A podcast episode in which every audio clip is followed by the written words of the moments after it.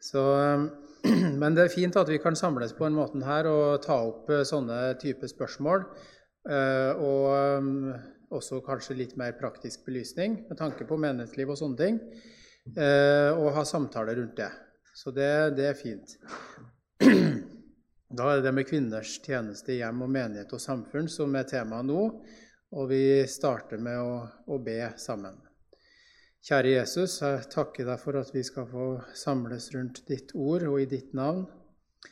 Og så ser du vi lever i en tid på så mange områder der tidsånden og samfunnet rundt oss eh, tar avstand fra og har etablert holdninger og praksis som er langt bort ifra den virkelighet som er den gode og sanne og rette veien, sånn som du vil at vi mennesker skulle leve, etter ditt ord og etter din vilje. Ja, Vi merker et veldig trykk i det kristne arbeidet. og Når vi skal holde fram ditt ord, så merker vi det at eh, vi det, det, blir vanskeligere og vanskeligere å stå i, i, den kampen på mange måter. Men jeg takker deg for at uh, vi skal få ha frimodighet på ditt ords grunn og betrua på deg, Jesus, du som er den oppstandende og levende Herre over alle ting. Og jeg takker deg for at uh, vi skal få lov til å lære av de første apostlene òg, som òg levde i ei vanskelig tid. At de var frimodige og glad, og fylt av Den hellige ånd, så forkynte de ditt ord eh, uten å vakle, fast og med frimodighet.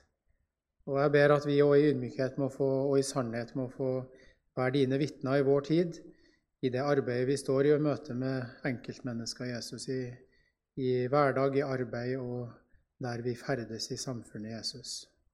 Det ber jeg om. Jeg ber at vi må få være frimodige og sann i, i, i all vår omgang med med alle mennesker Jesus. Og Så ber jeg om din velsignelse over det temaet vi nå skal ta fram, som også er et tema hvor vi er dypt, dypt farga og prega av um, strømninger i tida som, uh, som uh, eh, på de aller mest radikale måter bryter med ditt ord og står i motstrid til ditt ord, Herre.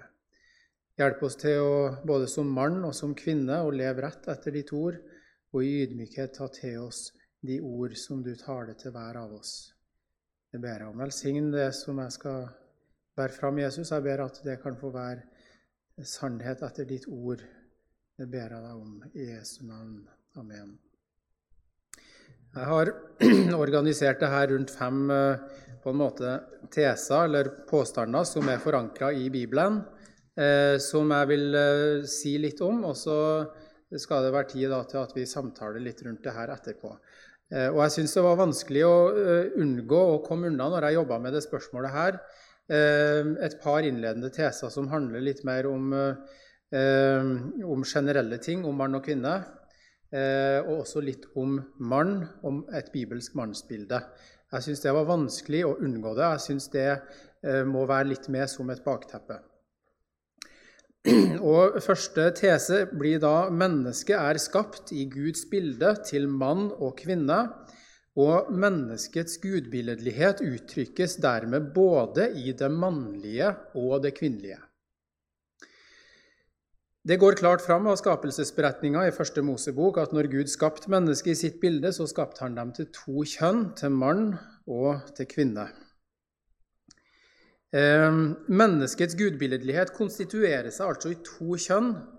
Og både det mannlige og det kvinnelige er dermed nødvendig for å kunne si at mennesket er skapt i Guds bilde eller etter Guds lignelse. Og Begge kjønn er dermed i sin forskjellighet dog likestilt overfor Gud og med hensyn til det å uttrykke det gudbilledlige. Og mann og kvinne har samme verdi overfor Gud. Det er en grunnsøyle i Guds skaperorden, og vi stilles her overfor både en rent kjønnsantropologisk og en kjønnsbiologisk grunnlov i Bibelen og i skaperverket. Og Det er det nødvendig å understreke i dag, fordi vi lever i en forvirra og forkvakla tid hvor mange har begynt å tro det fantasifoster og den løgn at mennesket kommer til uttrykk i en lang rekke såkalte kjønnsidentiteter en påstand som mangler enhver form for forankring i virkeligheten. Så det må nevnes. Det er viktig. Um, som en ufravikelig og rokkelig grunnvoll for enhver sann tale om mann og kvinne i bibelsk og biologisk belysning.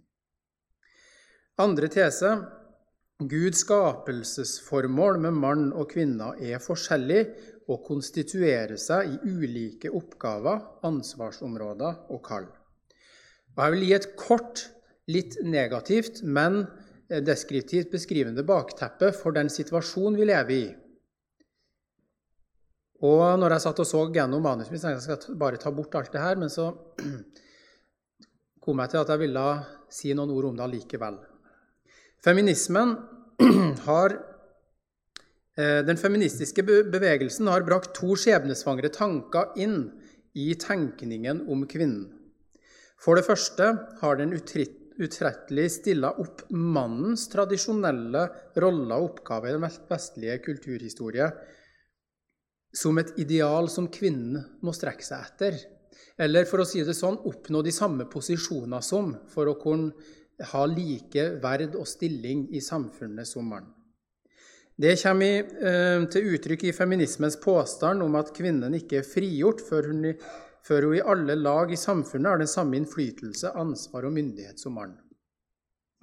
Feminismen har derfor gjennom sine fremste ideologer fra 1700-tallet Eh, og via liberalfilosofen John Stuart Mill på 1800-tallet og flere eh, sterkt radikale talspersoner for den feministiske bevegelsen på 1900-tallet kjempa utrettelig for at kvinner skal frigjøres fra alle former for økonomisk avhengighet av mann, både på individnivå og i alle strukturer i samfunnet.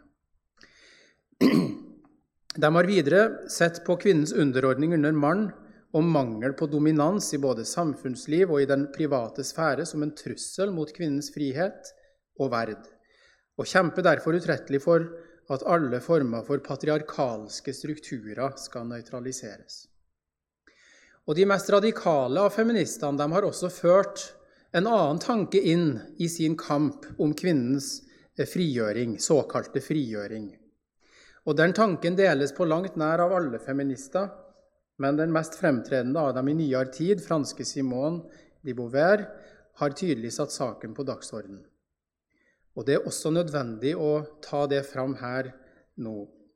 Hun påstår at kvinner ikke blir frigjort før hun er frigjort fra sin kvinnelige kropp og sitt biologiske kjønn, med alt det det innebærer av seksualliv, graviditet, fødsel, amming osv.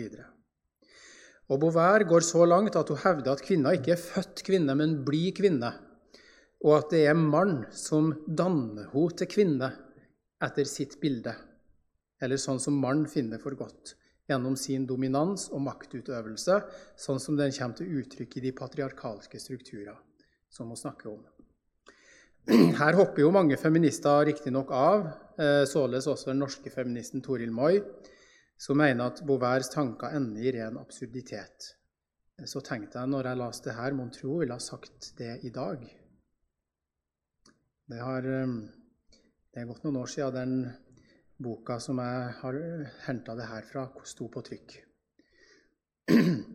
Så sjøl om den feministiske bevegelse på enkelte områder har vært berettiga i sin kritikk og i sine krav, er dens krav om kvinnens frigjøring i sitt dypeste vesen et satanisk angrep mot Guds gode skaperorden og Guds gode vilje for både mann og kvinne.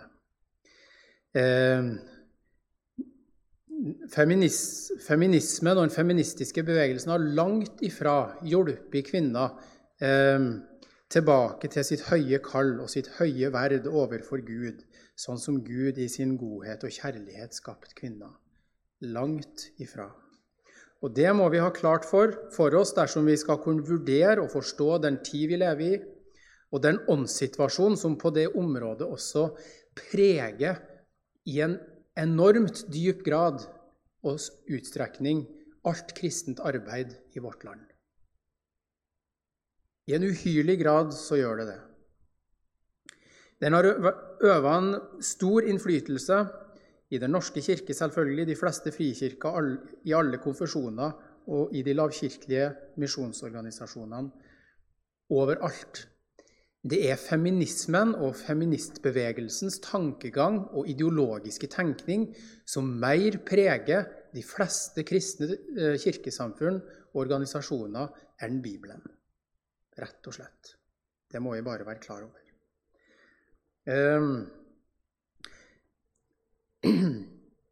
det som er mitt hovedpoeng her med den innledende med, den, med tesen, det er at mann og kvinne er av den evig gode, allmektige og vise Gud skapt forskjellig.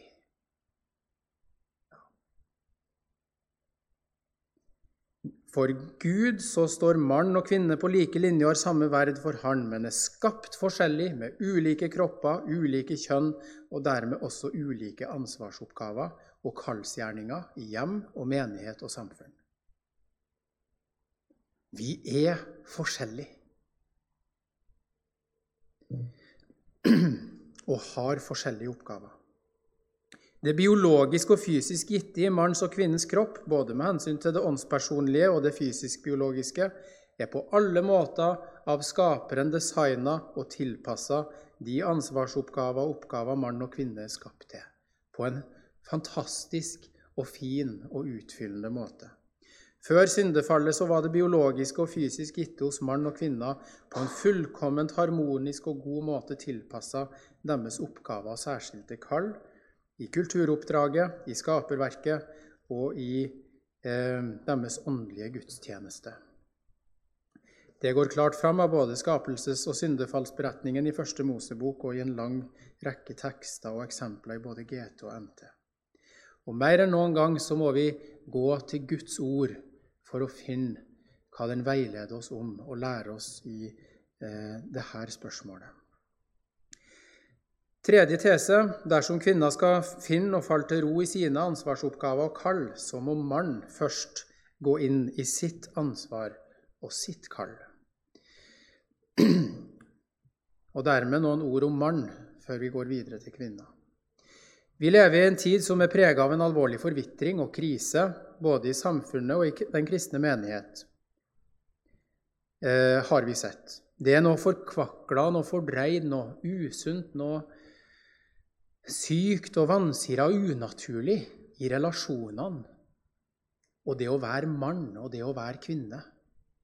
Det er i grunnen når vi ser og studerer eh, ting i vårt samfunn og ser hvordan det fungerer. Det er, det er kamp, det er strid eh, i relasjonen mellom kjønna. Og det er hele vår, eh, vår kultur, hele vårt samfunn og alle mennesker lider under det her. Og ser, Folk flest ser det jo naturligvis ikke, men, men, sånn er det. Vårt samfunn og vår kultur lider under det her. Og Jeg kan ikke eh, se noe mer passende under en sånn her innledning til samtale at vi menn jo i samla flokk må reise oss opp og bekjenne våre synder for Gud, og erkjenne for Han at vi på mange måter har svikta vårt kall som sønner, som menn, som ektemenn og som fedre. Eh, Enhver der han kjenner seg vakt i sin samvittighet overfor de kvinner som står en nær i livet, enten det er sin mor eller sin, sin hustru eller, eller andre. Bekjenn sine synder, sin svikt og sin brist, og at vi mange ganger kanskje også ubevisst har løpt fra vårt kall og vært både egoistisk og selvsentrert og ukjærlig. Og hva er så vårt kall, først og fremst? Og Starter vi å lese i Første Mosebok, så ser vi at først gir jo Gud mennesket kulturoppdraget, men det første spesifikke kall han gir til mann, til mann alene, det er eh, hans kall overfor sin hustru i andre, første Mosebok 2,24, nemlig å forlate sin far og sin mor og forbli hos sin hustru og være ett kjød med henne. Og hvordan kan vi tale om kvinnens kall og ansvar, og da ikke minst dem av oss som Gud har kalt inn i både ektestanden og har gitt både kone og barn, at vi ber våre hustruer om tilgivelse for vår synd og vår svikt i det første kallet som Gud ga oss. For hvem av oss kan si at vi har forblitt hos vår hustru og vært ett med henne, slik vi på alle måter i åndsnærvær, fysisk tilstedeværelse og gjennom kjærlighetens oppofrelse skulle ha vært?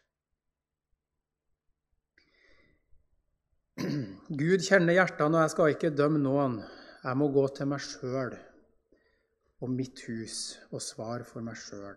Men kanskje mange av oss kunne enes om å tale med våre hustruer om våre synder mot dem. Aksel Vanen Senstad har satt fingeren på et ømt punkt for meg og kanskje mange av oss når han i sin innføring i kristen etikk, side 303-4, sier følgende om foreldrestanden. Og da er det jo her særlig snakk om faren og farskallet. Og jeg siterer.: Det er fordi foreldrestanden har fått en slik høy stilling, høy og viktig stilling, at NT også så har så sterke formaninger til dem som er i ansvarsstilling i Kirken. De skal foregå med et godt eksempel. Det hører med til kvalifikasjonene for å inneha et ansvarsverv i Kirken at man tar sitt foreldreansvar alvorlig og utfører det etter beste evne og etter Guds ord. I praksis blir disse verdier ikke tatt med når det skjer en kallelse til et ansvarsverv i Kirken. I stedet kan slike bli foretrukket som istedenfor å bruke sin tid på foreldreansvaret, har brukt sin tid til å fremme sin egen ære og sitt eget navn ved å være på alle andre steder enn i sitt hjem, og som derfor forsømmer dette kall og denne oppgave fra Gud. Om dette sier Bibelen at den som ikke er tro i smått, han er heller ikke tro i stort. Denne Guds lov viser seg å være rett. Bibelen sier en som ikke har omsorg for sine nærmeste, og særlig for sin egen familie, har fornektet troen og er verre enn en vantro. 1. Timotius brev 5,8. Ja, Bibelen er klar i sin tale om mannens kall til sin hustru. Mannens fremste kall er å elske sin hustru slik Kristus elska menigheten og ga seg sjøl for den.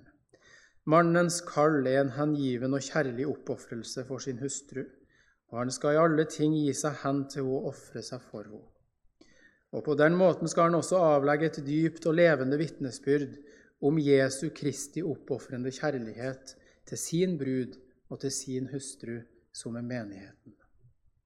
Og på en særlig måte så skal det mandige hos mann komme fram og til uttrykk i den uselviske og kjærlige oppofrelse for sin hustru og for sine egne barn. Og det krever sannelig en manns mot og klokskap og styrke og kraft mang en gang. Videre så må man gå inn i den tjenesten og det ansvaret han har fått med å være hodet i både hjem og menighet og samfunn. Eh, det framgår jo eksplisitt og utvetydig av de nytestamentlige formaninger at det skal skje i hjem og menighet, men jeg kan ikke forstå det annerledes enn at skapelsesberetningen anfører det som en skaperordning og grunnlov også rent generelt i samfunnet mellom menneskene her i denne verden. Mann skal være hodet både i hjem og menighet og samfunn. Det er et kall, et ansvars, en ansvarsoppgave som Gud har gitt til mann. Mann er kalt til å ta ansvar og sørge for at alle mennesker har det trygt og godt, og at alle former for sant og byggende og sunt liv og kulturarbeid får vokse fram i tråd med Guds vilje og skaperverk. Og Vi hører følgende om et sant mannsideal i Jesaja 32, vers 2. En mann skal være som et skjulested for været og et ly mot regnskyll, som bekker i ørkenen, som skyggen av et veldig fjell i et tørstende land.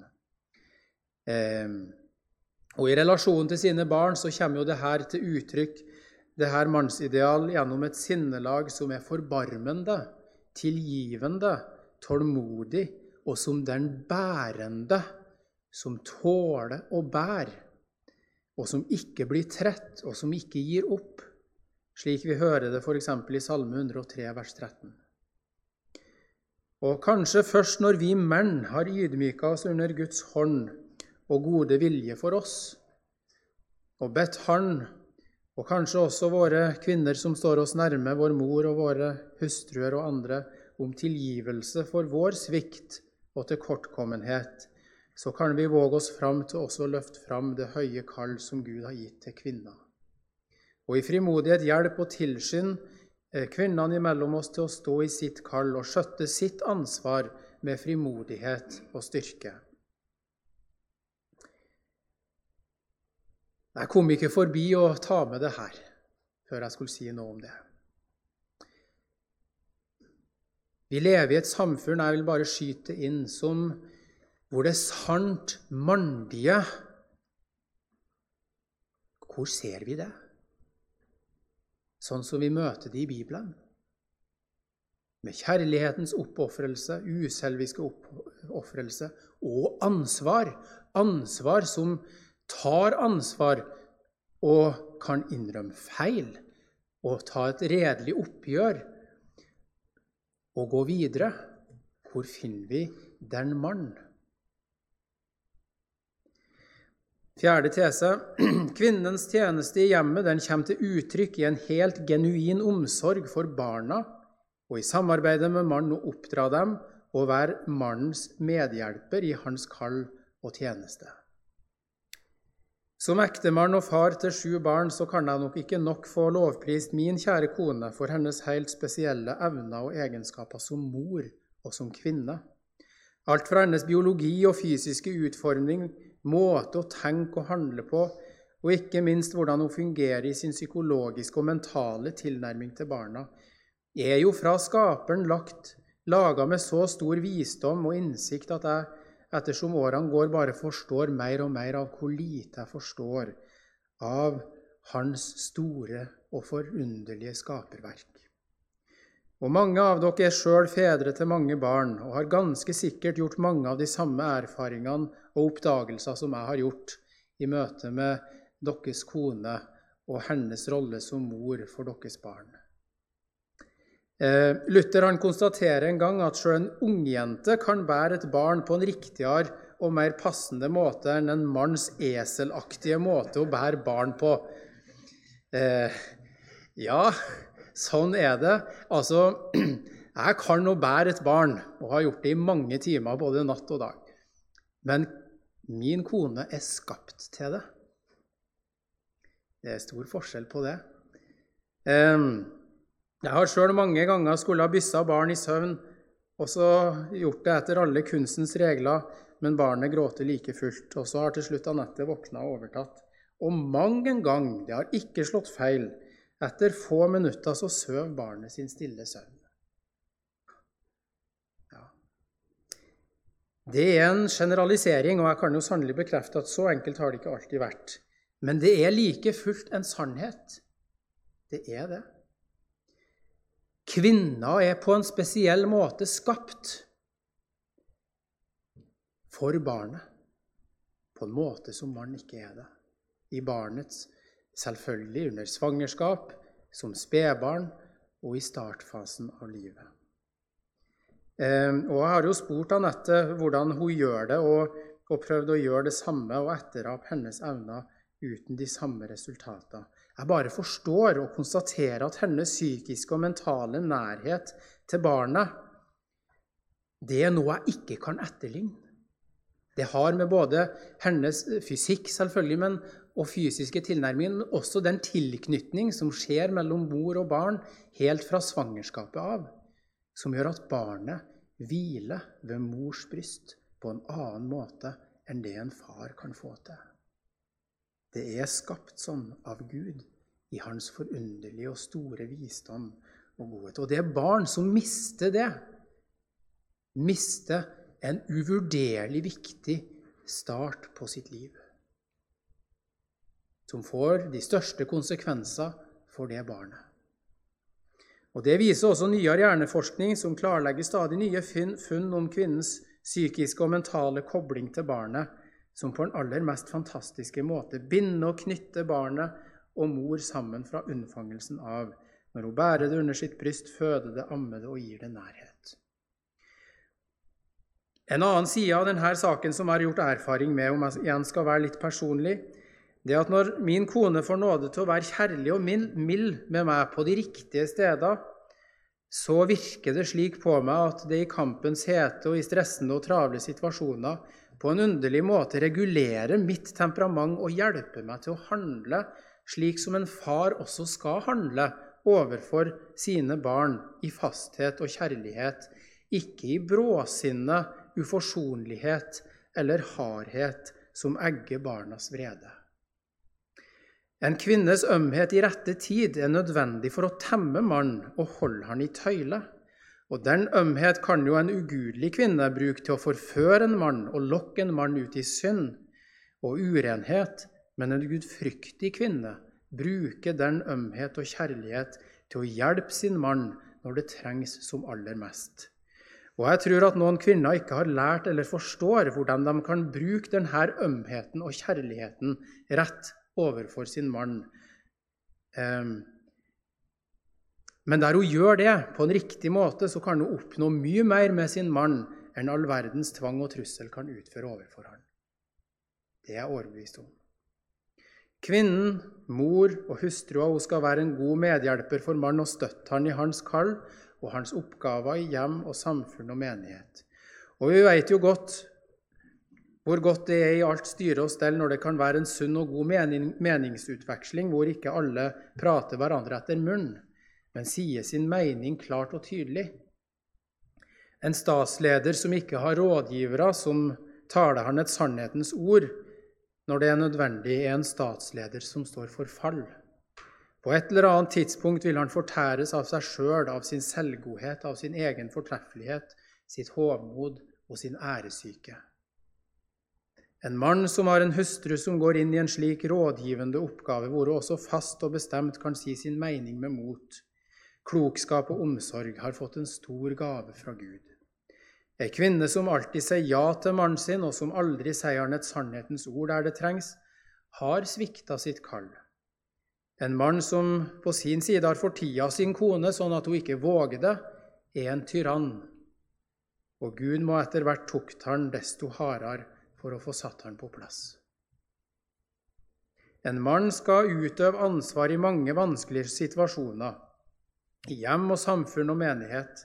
Og Da er det godt om han har en hustru som med mot og omsorg kan gi han råd, også tal til rette, men også støtt der det trengs. Det trenger man om han skal kunne være mann slik han er kalt til det av Gud. Det er nødvendig, og det er godt for mannen. Gud har skapt nemlig mann og kvinne sånn at de lever i en avhengighet til hverandre i sine ansvarsoppgaver. Eh, og utfylle hverandre på en guddommelig måte.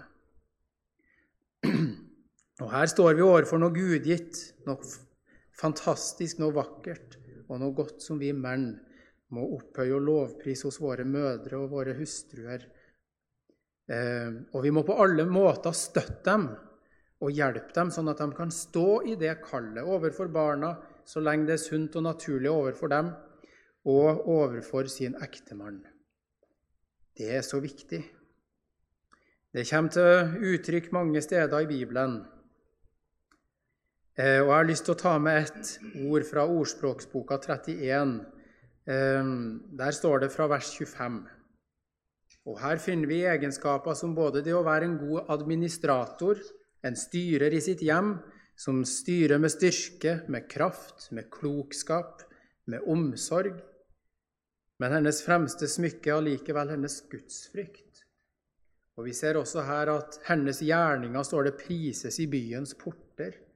Ja, Det blir kjent i det nærmiljøet der det er en klok og dyktig kvinne. Kraft og verdighet er hennes klær, og hun ler av den kommende tid. Hun åpner sin munn med visdom, og kjærlig formaning er på hennes tunge.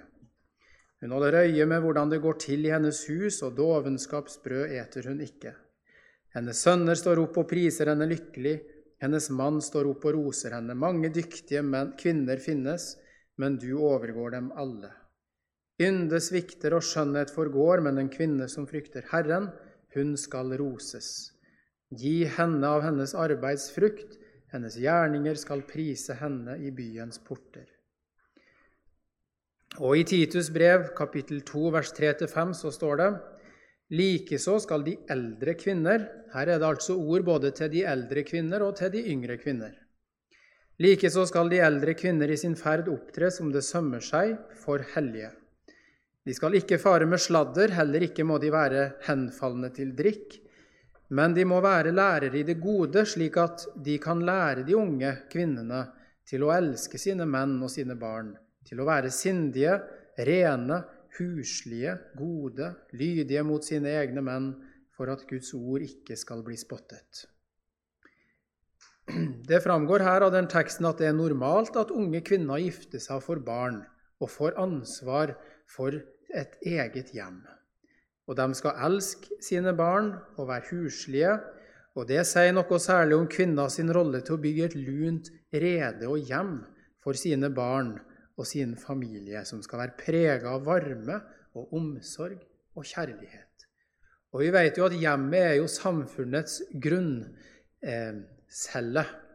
Og der hjemmet ikke får fungere som det skal, så blir samfunnet også forma etter det bildet. Hvorfor er vårt samfunn blitt så kaldt og så rått og så vanskelig? Jo, fordi mor ikke er der og tar sitt kall. Det er én side av det. Det svarer ikke på alt, men det er én side av det. Det er så mange kvinner som ikke vil være kvinne, og som heller ikke får hjelp av myndige menn i vår tid til å stå i det kallet.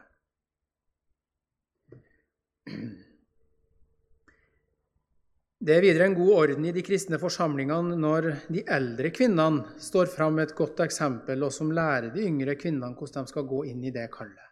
Det er noe guddommelig vist og klokt med det. At det er de eldre kvinnene som skal med sitt forbilde og gjennom tale og, og eksempel snakke og veilede de unge kvinnene. Eh, femte og siste tese. Kvinner skal tjene i menigheten, vitne om sin frelser og motta læren i stillhet. Til slutt da noen ord om kvinnens tjeneste i menigheten. Når vi leser evangeliene, ser vi at Jesus vurderer kvinner høyt. Ja, mye høyere enn samtidens jødedom, f.eks. Kvinner har en viktig og naturlig plass i Jesu virksomhet når han vandrer rundt med disiplene sine i Galilea og Judea. Og kvinnens tjeneste i menigheten går i samme spor som hennes kall og tjeneste i hjemmet og samfunnet generelt. Hennes sosiale egenskaper og evne til å bygge varme og gode relasjoner og fellesskap er også avgjørende i menighetslivet. Og de kvinnene som åpna sine hjem for Jesus og disiplene, var svært viktig for Jesus personlig og for disiplene. Og vi skal ikke tolke beretningen i Lukas 12 eh, om Martha og Maria dit hen at Jesus eh, at det er bare den åndelige samtale som er det eneste nødvendige i ethvert kristent fellesskap og hvert kristent hjem. Og at Martha sin oppgave Det har nå gjerne blitt talt harde ord om Martha som bare var opptatt med maten. Nei, det, det er ikke riktig ut fra den beretningen. Det var hennes travelhet i sitt sinn og i sitt hjerte som Jesus så var farlig for Martha. Nei, hun hadde sans for noe, Martha, som er så viktig i både hjem og i menighet. Det hadde hun, og som ikke skal forsømmes. Um, um, det er så viktig at vi har et våkent øye for alle de nye, dem som ikke kommer seg ut, ulike former for besøkstjenester osv. Jeg vet Per tok opp noe av det her også tidligere.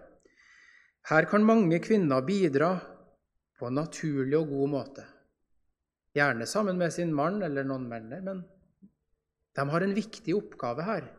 Og der en menighet ikke har noen som har et våkent øye for de nye som kommer, og som inkluderer dem, inviterer dem inn i sitt hjem og skaper et åpent hus, så blir det nok kaldt og distansiert, og det blir kanskje vanskelig eh, å nå inn. Og Det er viktig at også ledende menn ser betydningen av de her tjenestene som har en mer sosial og hjelpende art, og ikke undervurdere dem, men hjelpe kvinner eh, som tar del i sånne oppgaver, til å vokse inn i og ta tak i de oppgavene med ansvar og frimodighet. Så vil jeg også nevne den profetiske gaven. Paulus sier at alle kan tale profetisk, også kvinnene. Og har sjøl vært velsigna av å høre kvinners vitnesbyrd om Jesus. Og Særlig er det noen eldre kvinner som har brent seg fast i minnet mitt fra barndommen og ungdomsårene. Og Jeg har lyst til å nevne bestemora til Jan Eirik, Elsa. Hun hørte jeg som barn og ung gutt mange ganger vitne om Jesus. Både i møtene, men også Eh, ikke minst i samtalene med mennesker. Eh, og hennes vitnesbyrd hun talte med en, en, en, en brann om Jesus og det hun eide Jesus. Um, og i samtalene både med ungene og oss ungdommene etter hvert, i både tide og utide, så, så snakka hun om Jesus. Om det som hørte Guds rike til. På en sånn varm og inderlig måte at det, det var bare så naturlig for henne alltid. Og Det var, ser hun for meg flere ganger der hun går langs veiene utenfor bedehuset på Bagndalen med både Melner og andre, og inderlig å snakke om ting som har hatt med Guds rike å gjøre. Ja. Som barn og ungdom så merka vi hos henne en kristendom som ikke var noe teoretisk, men det var liv. Gjennom et praktisk eksempel i ord og gjerning, i skjønn forening og hvor vi trenger slike kvinner som kan vitne om Jesus og si og fortelle det de har sett og opplevd i livet med Han, og som kanskje mange ganger kan gjøre det mye mer livnært også inn i aktuelle situasjoner enn en mann kan gjøre. Det trenger ikke å være noen motsetning der, men jeg har sett det i hvert fall sjøl noen ganger. Mange kvinner har sett mye og dypt inn i Guds ord, og en del ganger også mer enn mange menn. Og flere av kvinnene i kretsen rundt Jesus hadde nok forstått mer av hvem Jesus var før hans oppstandelse, enn de tolv disiplene hadde gjort. Og den innsikt og forstand i Guds ord er til stor nytte i en menighet. I menighetens offentlige liv og virksomhet skal kvinner ta imot læren i stillhet og underordne seg under mann. Og Paulus begrunner også det i Guds skaperorden, som en fastlagt orden. Men det er ikke noe til hinder for at kvinner kan utlegge Guds ord for en mann i det private rom, men det må skje i ydmykhet, sånn som vi ser Akvilas hustru Priskilla sammen med sin mann utla Guds ord nøyere for Apollos, som i utgangspunktet allerede var en ganske lærd mann. Han var sterk i Skriftene, står det. Men Priskilla overgikk han i innsikt i Skriftene og kunne føre han enda dypere inn i dem sammen med sin mann. Så en kvinne har mange og rike oppgaver i menigheten, i både ord og i gjerning.